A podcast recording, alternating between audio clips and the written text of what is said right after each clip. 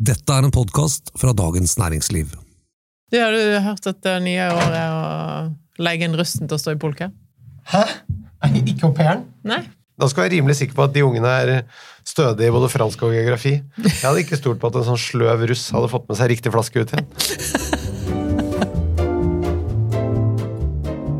Hei og hjertelig velkommen til denne ukens podkast fra Dagens Næringsliv. Mitt navn det er Thomas Giertsen, og velkommen til Madame Bø. Du, I morgen så er vi der igjen. Det er Burgundslipp 2024. For mange av lytterne våre så er Burgundslippet årets høydepunkt. Er det det for deg òg?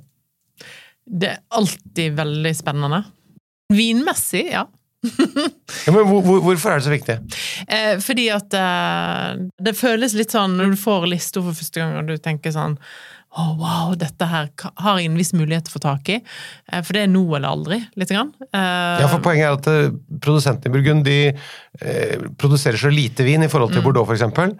Og så er dette et veldig populært vinområde. så folk, Det er kanskje et av de mest kjente vinområdene i hele verden.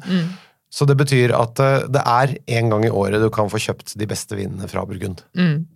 Og eh, det er, sånn, det er ikke noe å vente med hvis du skal ha den årgangen, eller Burgund, så må en eh, gå på disse slippene, stort sett. Altså Selvfølgelig så slippes det litt, og faktisk litt mer og mer i bestillingsutvalget, men eh, sånn hovedsakelig så får en jo da rundt 400 forskjellige viner fra 2021 og Burgund på polet, og da er ikke så ofte en får LS, da.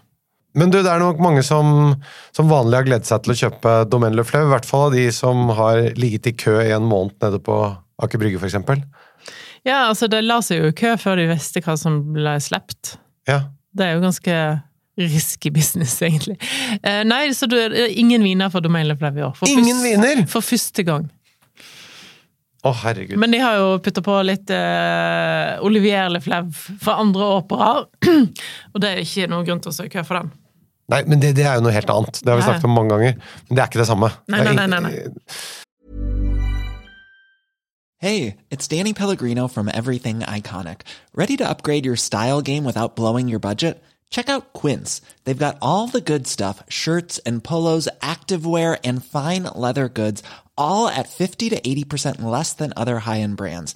And the best part? They're all about safe, ethical, and responsible manufacturing. Get that luxury vibe without the luxury price tag. Hit up quince.com slash upgrade for free shipping and 365 day returns on your next order. That's quince.com slash upgrade. Men du, eh, køen starter tidligere og tidligere hvert år, og prisene stiger. Er det noen logisk grunn for at eh, innsatsen og prisen går så voldsomt opp? Eh, nei, har, den køen har fått veldig mye publisitet. Eh, det er jo kanskje en årsak eh, til at noen har lyst til å hive seg på den eh, trenden. Årets kø starta 1. januar. Altså folk som dro rett fra nyttårsfeiring og bare la seg, ikke hjemme, men la seg i køen der. Ja. Jeg har, jeg har ofra de et par uh, bekymrende tanker når det var sånn 20, over 20 minus. Må ha med stor sjekk i år, for det har vært så store temperatursvingninger. Men også er det jo fordi at eh, Jeg skal jo ikke si at eh, de spekulerer i det, men det er jo mulig å tjene penger på de vinene som blir solgt, hvis en velger å selge de igjen på det åpne markedet i utlandet. Eh, og det er jo noen som gjør, tror jeg. Uten at jeg veit. Ja, men det, det har jeg inntrykk av. Ja. Også fordi eh, det i Norge eh, ikke er så dyrt som i utlandet. Nei, det er ikke like markedsstyrte priser, da. De prisene som eh, en får for veldig dyr vin i Norge, er ofte billigere enn i utlandet. Eh, fordi at eh, Vinmonopolet har jo forholdsvis et ganske moderat og lavt påslag. Eh, og så er det jo alkoholskatten, som utgjør veldig mye på en billig vin, men veldig lite på en dyr vin. For det går på antall, eller på alkoholprosenten, og ikke på prisen. Så eh, Altså, det, Påslaget er det samme, så det blir prosentvis relativt lite Ja. på de dyre vinene. Dette har jeg jo sagt mange ganger før, men derfor er billig vin i Norge veldig dyrt, og dyr vin ofte veldig billig. Så relativt sett, altså. Ok, nå er det da 2021-årgangen som slippes. Hvordan er denne?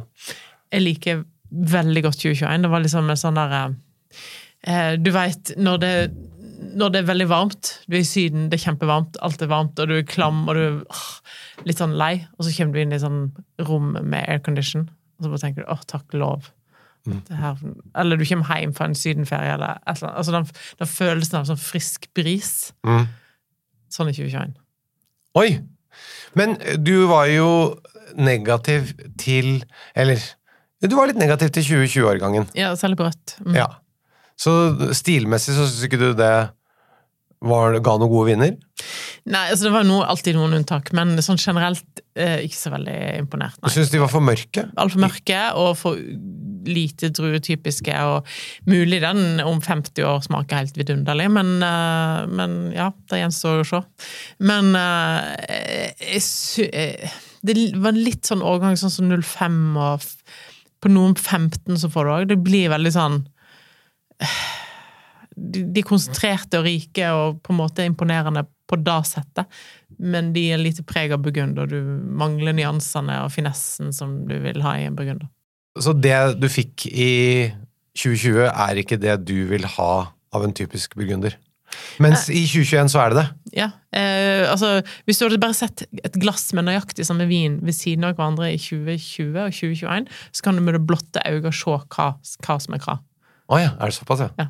For 2020 eh, ser ut som Syrah. Det er så mørkt på fargen. Ja, det er ganske Eh, svart, ja. Mens 2021 er bare superlys og delikat. Så det er to, det, og det er en litt interessant øvelse. Så hvis det er noen som klarer å få tak i det samme som de fikk tak i i fjor, ja. samme vin, så da kan være en interessant blindsmaking. For den bør være ganske enkel å ta. Altså. Men du, eh, hva skal vi se frem til av vinene som kommer på polet i morgen? Eh, nei, altså Jeg ble jo litt skuffa når jeg smakte vinene her om dagen. fordi at det er jo en del produsenter der som jeg gjerne skulle sett var der, som ikke er der. Som alltid har vært der. Og noen som jeg skulle sett mye mer av. For det er veldig mange topprodusenter som er inne med kanskje én vin. Én vin? Hva er det for noe? Eh, og da ble jeg litt sånn eh, forundra, fordi at eh, Eh, 2021 en slank, kjølig årgang. Det var veldig mye problem det året. Eh, Det begynte med en vårfrost i april som gjorde at eh, noen landsbyer mista 60-70-80 av druene sine. Ehm, eh, Så generelt i hele regionen så er det 50% mindre vin okay. i 2021 enn en normal årgang. Ehm, og eh, på høsten, så, eh, på grunn av at det var frost, da, så hele sesongen så var det da veldig stort sykdomspress på vin på druestokkene. De tålte veldig lite, de var veldig skjøre. Eh, det var veldig mye odium og powdery mildew, altså ja, plantesykdommer. ja, eh, som gjorde at eh, avlingen gikk enda mer ned. Og så kom det regn på høsten de skal høste, høste inn. Så det var jo egentlig Alt var jo galt. Men det du sier, er at de flinke har lagd fantastiske viner, Ja. da? Hvis jeg forstår eh, det riktig. ja. Eh, De flinke har laga sånn klassiske burgundere som det blir sjeldnere og sjeldnere å, å få tak i, da, fordi det er blitt så mye varme årganger. Og til og med lav alkohol. Du ser 12-12,5% alkohol. Og flere produsenter jeg har snakket med som har måttet sjaptalisere, vil si tilsette sukker til druemosten for å få opp alkoholen litt, fordi de syns det var for lav alkohol. Og det er ikke ofte de gjør lenger. Eh, Men jeg ser jo at mye av det jeg skulle ønske var, er tilgjengelig i utlandet. Og mye av det er tilgjengelig på spesialbestilling via importøren. Altså ikke det som polet selv bestemmer. Mm. Men hvorfor vil ikke polet selv ha inn disse kvalitetsprodusentene? Det der syns jeg er veldig rart, og tilbakemeldingene jeg får fra veldig mange importører, er at Polet syns det er for dyrt. Hæ? At det 2021 har blitt for dyrt. Ja, men det er ikke polet som bestemmer det. De selger Romané Conti til 70 000-80 000 kroner, eller hva det koster. da. Jeg er helt enig. Eh, Jeg mener jo òg at det er ikke deres jobb å si hva som jeg og deg og deres andre kunder skal synes er for dyrt. Det kan vi klare å avgjøre sjøl. Så de har begynt å moralisere. Da, da begynner dette å bli et monopol. Ja. Men sier importørene at de kunne skaffet eh, disse vinene fra kvalitetsprodusentene, Mm. men polet vil ikke ha det? For det er for dyrt. Nei, det kan jeg nesten ikke tro. Hvem i polet som sitter og sy Nå, nå syns jeg det ble litt dyrt. Nei, det er det som er ansvarlig for spesialbutikkene. Jo, det er greit, men altså Jeg syns det var for dyrt for tre år siden, ja, men, det, Ja, er- det er jo for dyrt. Altså, det er jo dyrt, men men hva er dyrt? Ja, ikke sant? For nå har jeg bare gått inn og sjekka prisen på Hvis jeg sier Leflev, da. Ja. Leflev. Jeg vil si det er verdens beste hvitvinsprodusent. Eh, og vi har jo vært der nede. Vi har laga podkast med han som driver Domain Leflev, så den skal vi sende neste uke. Så kan alle høre på den. Hva de, kan han forklare litt om prispolitikk. Men um, uh, for det første så må en tenke på at de har jo mista halve avlingen sin eller mer, de fleste produsentene. ikke sant? Så Derfor så må de legge på prisen litt. Grann. Eh, det er større etterspørsel etter vinene over hele verden, ergo prisen går opp for det òg. Så det er to årsaker. Det er òg tyngre beskatning av vinmarkene, altså formuebeskatning av vinmarkene, som òg er med på å eh, øke summen på kasselappen. Eh, men når du sjekker prisen på Domain Leflev i Norge, 2021-årgangen versus utlandet, så er Norge mye billigere. Så nå gikk jeg inn og bare sjekka jeg Clavior, som er kanskje den vinen de har mest av. Den koster da 2000 100 kroner i Norge, og når eh, han blir solgt på spesialbestilling, og over 3000 i utlandet. Men allikevel så syns uh, Polet at eh, de andre kuveene er for dyre, så da gidder vi ikke å ha det? Mm.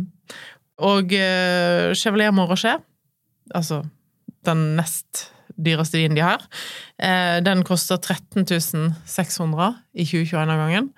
Uh, og i utlandet ligger den på rundt 18 000.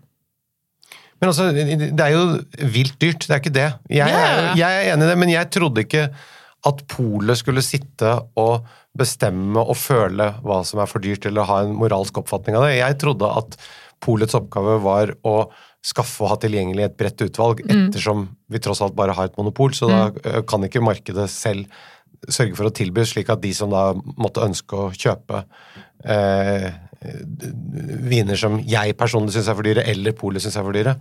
Nei, jeg, jeg hadde vært veldig overraska hvis jeg etter den køen er ferdig hadde sittet inne med noe eller flev. Ja, uansett hva det koster, ja. med andre ord, det er et marked for det i Norge. Ja. Nei, dette var, dette var veldig rart. Eh, det er jo òg en årgang som jeg tenker kanskje ikke har slått like mye an i USA, for eksempel. Fordi at de liker gjerne litt mer korpulente viner og litt rikere viner. Så jeg tipper at dette er en årgang som er nesten litt sånn Det nordeuropeiske markedet vil være mye mer glad for den årgangen enn resten av verden. Det betyr jo også at vi har mindre konkurranse ja, om akkurat. de vinene. Og så er det jo òg 2022 og 2023. To store årganger. Stor avling. Eh, masse vin. Eh, altså neste år. Ja. Mm. Eh, jeg tror ikke prisene kommer til å gå ned noensinne. Det har det jo historisk sett så å si aldri gjort. Så de vil nok stagnere, fordi at nå har de kommet seg opp et nivå som kanskje mange vil ligge på en stund. Eh, så de vil nok stagnere. Men når det da kommer masse Skal Polet slutte å selge topprodusentene i Burgund, eller? Nei, det håper jeg ikke, men det kanskje da Nå sier jo alle at nå skal renta ned snart, så da kanskje de ikke syns det er så dyrt lenger. Så at de snur til neste år, da. Ja, kanskje. Det føles litt bedre. Så det er Norges Bank som bestemmer, egentlig. du, dette var veldig rart. Men du har funnet gode viner av det som er i sortimentet? Ja. Ja, ja. Og det som da du sa, som er liksom viktig skille her, er jo det som er i bestillingsutvalget. Det er da de vinene som importørene kan sette i hyllene mm. selv, der Vinmonopolet ikke har noen mening om det. Mm. Der er det jo ja. Så hvorfor setter ikke alle importørene bare flere viner der, da? Det er det som kommer til å skje, eh, tror jeg. Og da ser du allerede. Altså, Angeville, en av topprodusentene i Burgund, kom jo på januarslippet. Eh, og eh, Top Nomerm kom på januarslippet. Med alle sine Grand Cruer, blant annet. Og det er jo litt sånn uvanlig at en får tak i de vinene i bestillingsutvalget. Men hvis det skjer, da, så vil jo en større del av salget til Vinmonopolet gå der, og mm. egentlig gå av seg selv. Så da må man jo bare nedbemanne den fagavdelingen. da. Mm. Fordi, eh, jo, men Det er jo det som må skje. Da for eh, da er det jo ikke noe vits i at man betaler masse folk for å sitte og kuratere et utvalg som Som er dårligere enn Ja, og, så, og, som da antageligvis ikke representerer den eh, samme delen av omsetningen. Altså, mm. Dette er veldig rart. Mm. Og det er jo så mye flinke folk der òg, så jeg, jeg, skjønner ikke dette. Nei. Nå må vi bare forholde oss til det vi, det vi har. Eh, hvis man skal kjøpe vin i morgen, hvilken strategi bør man ha? De mest ettertrakta vinene En må liksom sjekke hvor masse flasker det fins eh, av hver. Eh, det er jo mange pol rundt omkring i landet som har noe, et spesialutvalg. Det er vel ti pol eller noe sånt. Eh, og så eh, det, det, Dette her er jo nesten en egen vitenskap å finne ut hvor du har størst sjanse til å Det sitter jo allerede Det har jo vært kø i Bergen i ei og halv uke òg, ikke sant. Altså, men jeg har liksom ikke helt kontroll på Trondheim og Hamar og Sandefjord og sånne ting. Men uh, det er jo uh, Men de fleste flaskene ender jo på Aker Brygge, og det er jo der det er størst kø òg. Uh, men det tar jo litt tid, dette her. Jeg husker i fjor så gikk jeg ned der sånn klokka fire om natta. Eh, og da endte jeg opp med å gjøre min handel på de tre-fire flaskene jeg kjøpte, eh, klokka to. Oi, så du var der i Ti timer. ti timer, ja. Uh, og, Men, det, men det kjente til Jeg vil påstå at jeg er ganske så vininteressert og bruker altfor mye penger på vin. Til og med jeg sleit med å forsvare ti timer i polke for fire flasker vin. er det sånn at alle produsentene har laget god vin siden du sier at årgangen er så god? Nei, dette er en årgang der det er de kjente, gode navnene som, som du skal satse på. Og det er jo det som er litt utfordringen, for dette Polet har tatt inn ekstremt masse sånne eh, tredjedivisjonsprodusenter Ok, som jeg ikke syns er verdt pengene. Eh, Selv om de er billigere enn de De er billigere enn de dyreste, men eh, jeg syns jo det er veldig dyrt å betale 4000 kroner for en Grand Cru jeg egentlig ville bare betalt 400 kroner for kvalitetsmessig. Ja, det, det, Eh, da vil jeg heller kjøpe en vin til 10 000 som jeg eh, gleder meg til å drikke om ti år. Så det som er saken, er man har et klart budsjett, man har gjort research, man vet hvilke produsenter man vil ha, og da eh, nødvendigvis hvor mange flasker. Ikke grab noe, da er det bare å spare pengene. Ja. Ok, Merete, da må vi komme i gang. Du skal anbefale viner etter Vi følger klassifikasjonssystemet, der du kommer med tips på de beste kjøpene fra de fire kategoriene, nemlig distriktsviner, altså Bourgogne Blad og Bourgogne Rouge. Du har Villager, Premier Cruer og Grand Cruer. Er du klar? Ja. Ok, kjære lytter, da er vi klare med Meretes anbefalinger for 2024. De beste kjøpene de finner du også i infoteksten til.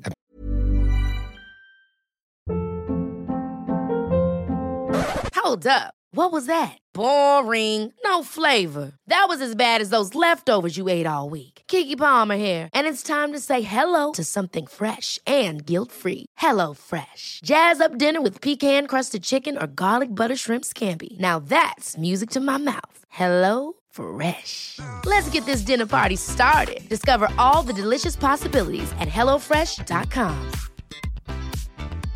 I'm Sandra, and I'm just the professional your small business was looking for. But you didn't hire me because you didn't use LinkedIn jobs. LinkedIn has professionals you can't find anywhere else, including those who aren't actively looking for a new job but might be open to the perfect role, like me. In a given month, over 70% of LinkedIn users don't visit other leading job sites. So if you're not looking on LinkedIn, you'll miss out on great candidates like Sandra. Start hiring professionals like a professional. Post your free job on linkedin.com/people today. Mom deserves the best, and there's no better place to shop for Mother's Day than Whole Foods Market. They're your destination for unbeatable savings, from premium gifts to show-stopping flowers and irresistible desserts. Start by saving 33% with Prime on all body care and candles. Then get a 15-stem bunch of tulips for just $9.99 each with Prime. Round out Mom's menu with festive rosé, irresistible berry chantilly cake, and more special treats. Come celebrate Mother's Day at Whole Foods Market.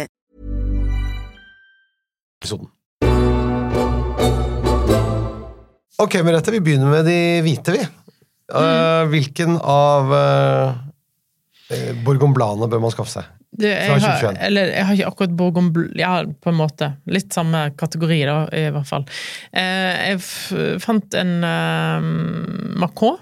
Ok, Som, eh, det er på en måte en village, da, men eh, det, det blir litt sånn samme prissjikte som, som fordi eh, Macau ligger litt sør i Burgund og har ikke den samme statusen, og derfor så er vinene derfra billigere. Så du nå gjør det som det svenske systembolaget. Du Ja. sorterer etter pris og ikke etter Typisk meg.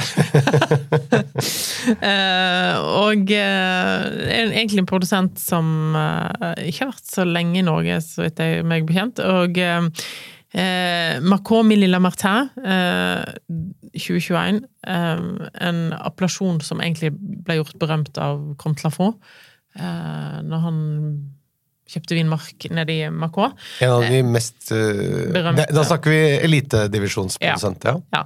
Men så her er det en uh, Passerette des Vignes, heter produsenten. Og vinen koster rett over 300 kroner. Ja. Eh, og da fins det heldigvis 360 flasker. Det er jo ikke mye når folk skal begynne å grabbe til seg, da, men jeg syns dette var et godt kjøp, da. Eh, og det er ikke så, Hvis jeg tenker pris-kvalitet, så er det ikke så veldig mange gode kjøp i Burgund, egentlig. Eh, men disse vinene bør egentlig være litt opphøyd ut av akkurat den kategorien der òg, for her er det jo mye følelser inni som spiller inn òg. Fordi ofte så er jo de vinene fra sør i Burgund Mm. litt mer sånn gule i frukten, litt mer sånn ananas og litt tropisk og sånn. Hvordan er denne? Det er veldig Du har kanskje mer gule epler enn grønne epler, men du Du har ikke ananas og tropicana. Nei, nei. Eh, Blindt. Hadde du tenkt at den kom fra Ja, da hadde jeg nok for, Hvorfor det, da? Hvorfor hadde du ikke tatt den for å være en uh... Det er så veldig vanskelig spørsmål, jeg veit hva det er. Men uh, jeg tror Nei, jeg hadde ikke tatt lenger oppe, for han er ikke så steinete som Han er litt bløtere ofte i Macron okay. enn uh, han ville vært lenger nord, da. Ja. Men her igjen, altså For en litt mindre trent gane, så du, du ville reise Burgund, uten tvil, tenker jeg. Ja. Og når det er sagt Nå har jeg snakket mye om Le Fleuve, men jeg er jo For meg har det blitt seilt opp til den beste produsenten i, på hvit eh, burgund, eh, og, og deres macoa. Så når en er på restaurant eh, For det er jo ikke sånn at de vinene ikke fins når en er på restaurant, eh, og ser det på kartet, så kan det være en av verdens beste vinkjøp. Altså, det er deres rimeligste vin. Eh, og i 2021-årgangen, altså det er så godt. De vinene er jo ofte paradoksalt nok av de billigere på et vinkart, da. Ja. Eh, Når du ser på Altså, jeg Burgund-seksjonen. hadde valgt Le Flaus Macron foran, jeg vil si 90 av Grand Cruene, hvite Grand Cruene i Burgund. Så, Hvis jeg skulle fått den gratis. så her, ikke driv og søl rundt med pengene, folkens. Eh, Lytt til erfarne fagfolk. Jeg har en annen òg. Eh, ikke Chardonnay, men en andre som finnes eh, og blir blitt mer og mer av. fordi at Etter hvert som andre viner har tatt litt av i pris, har kanskje dette blitt en mer populær vin fordi at det er blitt et uh, prisgunstig alternativ. Eh, så er Aligoté okay. eh, til eh, en produsent som heter Anne Boisot. Ja. Veldig flink dame. Eh, som er et godt navn uansett. Eh, hennes eh, hvitviner syns jeg er veldig, veldig bra. Ok, Og de fins i flere kvaliteter her? Ja. Men uh, jeg har bare smakt aligoteen, da. Eh, og aligoté skal ikke en kimse av. Det kan vi, av en god produsent. Fantastisk. Og ikke så lett å skille fra en chardonnay Nei, alltid. ikke, nei, ikke alltid. fra Burgund? Ja, det er jo i slekta, så det er jo ikke Ja, fordi noen ganger så har jeg fått aligoté algoté og tenkt jøss, dette hadde jeg ikke klart blindt å si at var en algoté. Nei. Når de vinene her kom til Norge for første gang, eh, for noen år siden, så begynte jeg virkelig å kjøpe Aligoté, liksom. For jeg tenkte dette er kule drikkeviner. Altså litt sånn Ikke viner du trenger å ha liggende i kjelleren i 10-20 år, men eh, innen fem år, så Eller fem, seks, sju, åtte år, så kan en ha stor glede av det. Den koster 450 kroner. Så det er jo ikke noe billig vin. 450 kroner nå, det er, er ikke det omtrent det samme som en sånn stor sånn familiepakke med skinke, da? På Rema? Da går vi videre til neste kategori, som er uh, villagevinene, altså kommunevinene. Hvite. Ja. Jeg hadde egentlig to uh, der. Eh, eh, Saucé sin eh, Etienne Saucé. Ja, Pulini. Uh, det syns jeg var veldig bra. Vi, vi var, har jo vært der og besøkt de. Det er jo mineralske, slanke viner. Litt reduktive. Han eh, svigersønnen som nå er overtatt, eh, han kommer egentlig fra Loire Ja. og fra Riffaut-familien i Loire. Eh, og alle kjenner deres viner, kanskje. Altså Claude Riffaut. Eh, de har endra seg veldig i stil, og så hadde jo da svigerfar et lite oksidasjonsproblem, som så mye av mange andre produsenter i området på 90-tallet og tidlig 2000-tallet. Så jeg tror de har liksom blitt veldig mye mer fokusert på at de skal unngå oksidasjon. Så da blir det litt reduktiv for. Vi smakte jo 22-årgangen da vi var i Burgund sist, Mm. eh, og den var i hvert fall veldig Ja. bra. Mm, Så, men eh, alltid bra viner. Og det er jo kult at det er en produsent, for det er, det er, her snakker vi vel eliteserieprodusent. Ja, absolutt. Ja, så det er jo litt gøy Ja, ja, at det er tilgjengelig. Ja, det er tilgjengelig. Eh, ikke mye, men bitte litt. Ja. Eh, en annen produsent òg, eh, som har en Merceau, eh, Narvaux, eh, den er der hvert år. Litt færre flasker i år, men eh, 240 flasker av 2021. Pascal Clément, som jeg syns er veldig flink på hvitvin. Ja. Men eh, hvilken divisjon? Nei, han er vel eh, førstedivisjon runner-up, liksom. Ja, Så ikke helt opp i elite, men Nei. eh, Det er jo alltid noe hvit Pascal Clément tilgjengelig, og det er jo en av de som er sånn Du kan stole på alt de leverer varene. Særlig når det kommer til de hvite. kult. Det er lyspunkter her, til tross for at eh, prinsessen på erten var litt misfornøyd innledningsvis. Ja, men sant, jeg blir, jeg blir, jeg blir eldre og mer picky og blir et helvete, dette Bare det. tenk om ti år. um, jeg ser jo til stadighet, jeg får til stadighet uh, snapper og bilder fra folk som sitter og ja, I dag blir det Grand Cru, altså! Og så har jeg brukt 3000-4000 kroner på en feil Grand Cru. Da får jeg, altså jeg får vondt langt inn i hjertet mitt Ja, men det, det er av å forferdelig. se sånne ting. For at, um, det er jo, når det skal handle vin i et område som er såpass kostbart som Burgund, så må en i hvert fall være nøye på hva en kjøper, tenker jeg. Ja. er vi ferdige med villasjene, da? Mm. For det var bare de. Ja. Ja, du sa det var lite. Ok, da er det, da er det rett og slett Premier Krune. Ja. Her endte jeg opp og plukke ut en fra 2020. Eh, og det er Comte Lafont, eh, Merceau Charme 2020, som koster et par hundrelapper over 2000 kroner. Men eh, jeg syns det var fantastisk. Jeg må bare si at dette er jo priser som er høye, men hvis du går på restaurant nå, så har det blitt vilt dyrt. Så du får ganske mye mer for pengene når du kjøper det og drikker det hjemme. Ja, veldig mye mer. Og kom til å få. de eh, lanserer vinene alltid ett år bak, så det er derfor de lanserer Ja. 2020 nå. Ja. Eh, og det er en ny generasjon som har tatt over, så der er det litt, litt mer mineralsk eh, stil der òg. Litt slankere stil enn Oi. det har vært. Men det, er ikke det litt sånn tendens at alle går ned litt på fatbruken? Litt mindre eik, litt mer eh, mineralsk, litt Mm. Og mer alle reduktivt? vinene er litt mer reduktive. Ja. Mm. Der var vi jo òg i Vi var jo der i, sammen i 20, for et par år siden, hos Lafon. Ja, og med da de, den nye, Nye. generasjonen, med da datteren til Dominique Lafont og fetteren. Mm. Uh, det var bare, Vi skal ikke snakke lenge om det, men en liten parentes. Interessant å høre hvordan det generasjonsskiftet hadde foregått, fordi Mm. det da er jo mange eiere eh, i familien, Mm. mens én eller to da, i dette tilfellet er representanter eh, og driver, eh, driver vingården. Eh, det er også noe av det vi snakker med eh, med Domaine Flevom om eh, i episoden som kommer neste uke. Men det derre eh, den prosessen, det, det gjøres jo som når man skal velge en ny bedriftsleder. Det er headhuntere og rekrutteringsbyråer. Det er ikke noe sånn der eh, bare hvem som helst får det fordi det er datter eller sønn eller hva det måtte være. Absolutt ikke. Ok, eh, men du har bare den vinen? Ja, jeg har ingen eh, flere nei. Nei. Ok. Da er vi på Grand Cruene. Jeg har ingen der eller? Ingen hvite Grand Cruer som du ville kjøpe? Nei. Nei. Da blir det ikke det. Det var fint lite. Altså, av det jeg har smakt, så eh, var det noe Coteau Charlemagne. Som jeg ikke ville betalt prisen for, fordi eh, produsentene er for dårlige. Eh, Det var òg en Batar som jeg smakte fra Olivier Lefleve. Mm. Den koster, da, det er da jeg syns vin blir dyrt, når den koster sånn 6000-7000 kroner for en Batar som du gir 88-89 poeng. Det er dyrt. Ja, det var vilt. Så da syns jeg ikke det er verdt. Uh, Og Hvor mye ville du betalt for den vinen? da? 500. Ok. Uh, og der igjen, da. Jeg hadde heller tatt en god Macron. Selv om det hadde kostet det samme, så hadde jeg tatt en god Macron any day foran den. Uh, og det var da jeg satt igjen med når jeg smakte det, og derfor er det så veldig veldig viktig å kjøpe de rette produsentene. Eh, og når det er sagt òg uh, Jeg tror ikke jeg hadde eh, Jeg har smakt Morgenskjeen til eh, DRC. Jeg syns ikke det, var, det er jo 2020, da, eh, som kommer. Det er jo sikkert bare noen få flasker.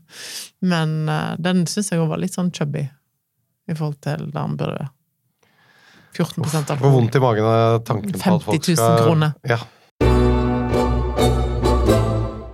Da går vi over på de røde vinene. Så hvilke Bourgogne Rouger er det vi bør kjøpe med dette? Jeg fant ikke en sånn Bourgogne Rouge, sånn sett, men jeg fant en som eh, kan kalle den for i hvert fall halvregional vin. Eh, Cotinui Village. Eh, altså, det er på en måte en village, men oppi hele Cotinui, da. Eh, og eh, den tror jeg faktisk jeg nevnte i fjor òg, og den overrasker meg som et veldig godt kjøp hvert eneste år. Det er litt sånn er ikke alltid så drithappy med den produsenten, men de kan ha sånne lysglimt innimellom. De har en veldig stor portefølje, og det er Louis Jadot. Oh, ja.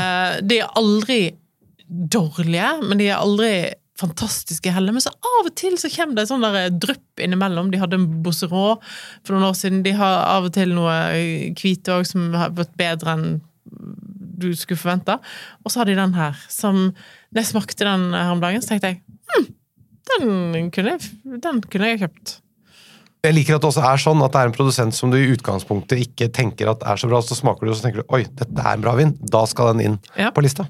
Og den, det som er kult med den, nå, er at det kommer 600 flasker av den. Så det er jo mange som har mulighet til å få tak i noe. Eh, og den koster 500 kroner. 2021. Bra! Ok, da er vi over på røde kommunevinner, altså villasjene. Ja, her kunne jeg jo nevnt på en måte flere, men jeg har hovedsakelig falt litt for den eh, beste, eh, vil jeg si, som vi har snakket om mange ganger før òg. Chevillot. Chevillot lager gode viner. Ja, det, og det enn så lenge fortsatt eh, ganske hyggelige priser i forhold til mye annet. Så deres Nuit Saint-Georges, via Vieille Vigne, rettere sagt, gamle vinstokker, 2021, koster rett under 900 kroner. Det er forferdelig å si at det er hyggelig pris, men det er hvis du Vi snakker relativt her hele ja. tiden. Men Cheviot de kommer jo selvfølgelig med mange premierkruer. De har jeg ikke smakt, men eh, eh, de eh, smaker stort sett alltid veldig bra. Så Cheviot vil jeg sette veldig høyt opp på lista over de aller beste produsentene på slippet. Ok, bra. Eh, og ikke minst eh, betryggende å høre eh, at de fortsetter å lage gode viner. Da er det Premier Cru-vinene som man bør skaffe seg. Ja, det har jo for så vidt bare én produsent, og da kanskje litt eh, Ja, jeg kan legge til en til. Her kommer det jo to viner fra Romier. Eh, og det er jo en produsent som er blitt veldig kostbart eh, å få tak i, og vanskelig å få tak i. Fordi han lager veldig lite vin. Lite vin og veldig ettertrakta gode viner. Eh, eh, så han kommer med sin Maurice Santini, som er stort sett hver eneste år på Burgundslippet. Eh, Bossier. Eh, og eh, i tillegg en eh, Chambol Musigny, der han holder hjemme, Høyreheima, Le Cra Premier Cru. Og uansett det, det koster jo litt, men eh, det vil jeg nesten Får du, ta, får du muligheten, så kjøper du dem. Du går ikke forbi dem. um, Det er greit. Um, Samme med Angro. Eh, den har jeg heller ikke smakt, men Angro eh, er for meg eh, en av de beste produsentene i hele Burgund. Så det, hun har bare én vin. Én vondromané. eh, tilgjengelig. Og eh, det skal godt gjøres kanskje få tak i dem, men eh, bare si det, sånn at det Folk vet må ikke, ikke gi slipp på den hvis du har fått den opp i kurven din. Men så er det en produsent som jeg har blitt veldig alltid har likt, egentlig siden første gang jeg smakte vinene hans. eh, Jeg tror det var i 2008, eh, 9 eller noe sånt. Første årgangene som kom til Norge. Eh, Og det er Romain Toppen nå, og Merm sine viner. Eh, og de, han holder til i Marie Santini. Eh, og der har det vært en splitt. De har tatt inn noe på polet, på spesialslippet, og så er resten på BU, bestillingsutvalget. Eh, Jeg er litt usikker på om det fortsatt er noe igjen der, men eh, Grand Cru hadde havna der. Mulig at Polet syntes det var for dyrt òg. Jeg vet ikke, det koster jo under 3000 kroner, noen av det. Men han har en Champol Musigny, eh, Comme d'Orvaux, eh, 2021, som koster 1900 kroner. Og han, var, han fortalte meg her om dagen at han rett før innhøstingen i 2021, så han, eh, han var liksom på gråten hele tida, han tenkte at dette, altså, dette kan jo aldri bli bra. Det, altså, det, var en, det, var en, det var en årgang han aldri hadde sett Når du bare så på druene, så hadde han aldri sett sånne druer før noensinne. Men- Hvordan da? Nei, de var store, det var mye vann. Var, han tenkte liksom dette kommer aldri Så jeg spurte hva har du gjort annerledes i, i eh, 2021 i forhold til andre årganger. Så han er kanskje ekstrahert litt mer for følte at det, den trengtes. Jeg tror han har gjort veldig mye rett. Han, hadde, han jo aldri, men har til og med måttet kapitalisere et par viner i, i 2021. Så eh, smaksmessig så var jeg veldig imponert over, over hans eh, 2021. Da. Hele rangen. Så her fins det jo flere å ta av, da. Men jeg nevnte da Kom d'Orvaux, siden jeg syns han var kanskje den beste. Ok, kult. Grand Cru helt til slutt. Ja, her kunne du jo sagt da jeg ville kjøpt, var DRC og Rousseau. Ok. Hvor mange flasker er tilgjengelig av det? Én av hver? Jeg, jeg tror DRC sin Det var forbausende mange romaneser vi var. Jeg tror det sto 48 tilgjengelig. Jeg tenkte hæ? Hæ? Det var helt enormt. Eh, Men jeg veit ikke. Jeg vet Men det er da 2020-årgangen. Ja, det er 2020. Og det, det, det høres jo helt merkelig ut å anbefale å kjøpe en vin til 27 000. Eh, så jeg kommer ikke til å gjøre det. Eh, samtidig, for jeg husker i 2015 så ga jeg 100 poeng til 2012-årgangen av Romane Conti. Eh, den har jo vi smakt etterpå sammen òg. Eh, og da ble jeg stilt litt til veggs, for jeg sa at det var et godt kjøp til 35 000. Mm. Men på årets begrunnslipp så koster Romane Conti 80 000, så det var jo et godt kjøp. Det var 50 Det var et mindre billig. dårlig kjøp. Ja, pluss at hvis du Ja, eller, hadde ja, eller det var i hvert fall et uh, billigere kjøp for den flaska enn det er for årgangen nå. Ja. Men det, Hvor mye var- er indeksjusteringen sin den gang? Nei, det vet jeg ikke. Men uh, da, da klarer jeg ikke å regne på. Men, uh, men hvis du hadde da videre solgt den på auksjon, eksempel, eh, så kunne du jo eh, tjent litt penger på den. Mer penger på den i 2012-årgangen enn eh, 2020, da. Ja, Men dette skal drikkes. Så, så, så hvis jeg ser bort ifra Ja, men, men viner skal drikkes. Ja, jeg er helt enig. Det er jo derfor en kjøper vin. Hovedsakelig. Uh, men eh, se bort ifra de to produsentene som jeg vil sette øverst på lista, over det jeg skulle ønske meg hvis noen skulle gi meg en gave, uh, så var jeg veldig imponert over Kokar. Ikke noe overraskende, da, sånn sett. Kokar har eh, i hvert fall to Grand Cruer, uh, Cham Chambertin og Claude La Roche. Eh, og de er jo hyggelige priser i forhold til mange andre da. Koster rundt 3000-3500. Og det er jo en produsent som lager Da snakker vi høyt opp i Ja, ja, ja. ja. Det her førstedivisjon, vil jeg si. Han var jo lenge Elite, eller? Ja, ja, ja, elite, mener jeg. Han var lenge i førstedivisjon, men har nok eh, kommet seg opp i elitedivisjon, ja. ja Men, men prisene har ikke blitt helt elitedivisjon. Enda ikke fulgt dette. Eh, De har økt den litt, men ikke helt. Eh, Og så var jeg òg veldig imponert over Claude Lambrey. Lambrey som er da denne nesten monopolvinmarken i Maurice Antony, Grand Cru, som Bernard Arnault Kanskje verdens rikeste mann. Det kommer litt an på ja, Nå gikk jo Tesla-aksjene litt ned, Ja. så da kanskje han er verdens rikeste mann. Ja, for det er enten han eller Elon Musk. Eh, og eh, han kjøpte den vinmarken for jeg husker ikke, 100 millioner euro eller noe sånt eh, for ti år siden.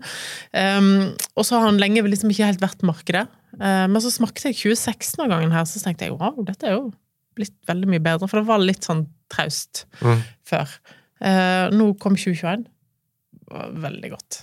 Men det var da hans eh, Det vin, hans, ja. ikke Toppen og Merm sin. Nei, nei for Toppen og Merm eier en bitte liten bit helt øverst oppe i kanten der, som sikkert er utrolig irriterende for Arnault-familien. Som kunne Og jeg har spurt Romain mange ganger om dette her. Har du, har du, eh, hvor mange bud har du fått på den lille flekken din? For han lager 250 flasker i en vanlig årgang fra den lille lappen med Claude Lambray. Eh, og den fantes i hvert fall. Uh, Fins. Eh, kom fire flasker til Norge, eh, så den var i bestillingsutvalget. Tippet den er ute nå, men de lager jo betraktelig mye mer nede i hos Bernard nå. Og den koster 6600 kroner flaska, og lille Toppen og han tar seg rett under 10 000 kroner for den flaska. Oi, oi, men der er det der er det trøkk på den Men jeg, jeg eh, ga, nå har jeg smakt begge to i 2021-årgangen. Selv om jeg var veldig imponert over Claude Lambrey til Bernard Arnault, så eh, ga jeg eh, et par hakk over til Toppen. Som fikk Eh, 97 eller 98. 97. Oi, oi, Og eh, Lambrey fikk 95. Så Det høres ut som eh, bra nok. Ja, men det Ja, herregud. Men eh, det er jo kostbare viner, som sagt. Det er en av de eh, eldste og flotteste vinmarkene i, i Burgund. eh, anlagt av munker. Og jeg til og med husker det eldste vinen jeg har smakt fra den vinmarken, var 1938. Så hvis en er tålmodig, så om 100 år så kan noen ha seg en stor vinkveld. Er det noe som nesten alltid er tilgjengelig som man kan få tak i på polet uansett hvis man ikke får det man vil ha på slippet? Helt til slutt. Chanté Pension Pinot Fin. Ja, Den har vi snakket om tidligere, men den eh, er jo en fantastisk vin. Jeg vil jo si at det er et røverkjøp. Jeg vil òg si at eh, 2021 Chablis vil jo jeg òg fronte veldig. Problemet med Burgund er som sagt at det er så lite flaske at hver gang du bare snakker om det, så forsvinner jo alt ut. Så, men det som er fint med Pinot Finn, er at vi har blitt så prioritert marked for dem at eh, vi tar jo nesten hele all produksjon av vin. Og ut fra det du sier nå om at eh, de aller største stjernene ikke er eh, tilgjengelige, og i så fall om med noe, så med veldig lite, så er jo det der eh, et fantastisk alternativ fra Burgund til en fornuftig pris i forhold til kvaliteten. Mm. Du, da er vi gjennom, Merete. Det var det vi hadde for i dag. Det var det. Kjære lytter, har du spørsmål, send oss dem til vin at dn.no. Denne podkasten er produsert av Feelgood for Dagens Næringsliv. Og masse lykke til i morgen, eh, kjære lytter. Og Merete, vi høres igjen neste uke. Da med en samtale med sjefen for Domaine Le Flev. Bris Molandier. som eh, tok over etter da Anne-Claude Le Flev, som ingen trodde det var mulig å overgå. Og etter det så har det bare gått oppover. Eh, En veldig interessant fyr å høre på, ut ifra mange perspektiver. Veldig. Takk for i dag! Takk for i dag. Det er jo kanskje bedre at russen står i polkøen enn at de selger dopapir. Det kan du si. Hver gang de ringer på hos meg, så sier jeg beklager, jeg har tatt en engangsinvestering i Gebrit spyledo. Men ettersom jeg ikke får penger for det, så kan jeg si spyledass. Det er fantastisk. For en glede. Jeg skal hjem og bruke min nå, jeg, faktisk.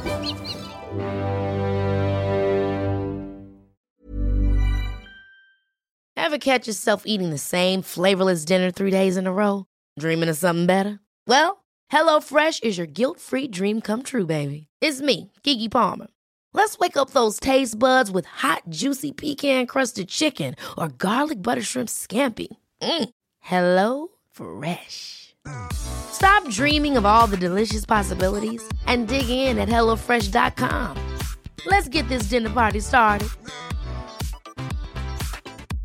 Mom deserves the best, and there's no better place to shop for Mother's Day than Whole Foods Market. They're your destination for unbeatable savings, from premium gifts to show-stopping flowers and irresistible desserts. Start by saving 33% with Prime on all body care and candles. Then get a 15-stem bunch of tulips for just $9.99 each with Prime. Round out Mom's menu with festive rosé, irresistible berry chantilly cake, and more special treats. Come celebrate Mother's Day at Whole Foods Market. Even when we're on a budget, we still deserve nice things.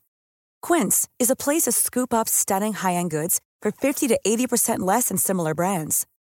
They have buttery soft cashmere sweaters starting at $50, luxurious Italian leather bags, and so much more. Plus, Quince only works with factories that use safe, ethical, and responsible manufacturing. Get the high-end goods you'll love without the high price tag with Quince. Go to quince.com slash style for free shipping and 365-day returns. Du har nå hørt en podkast fra Dagens Næringsliv.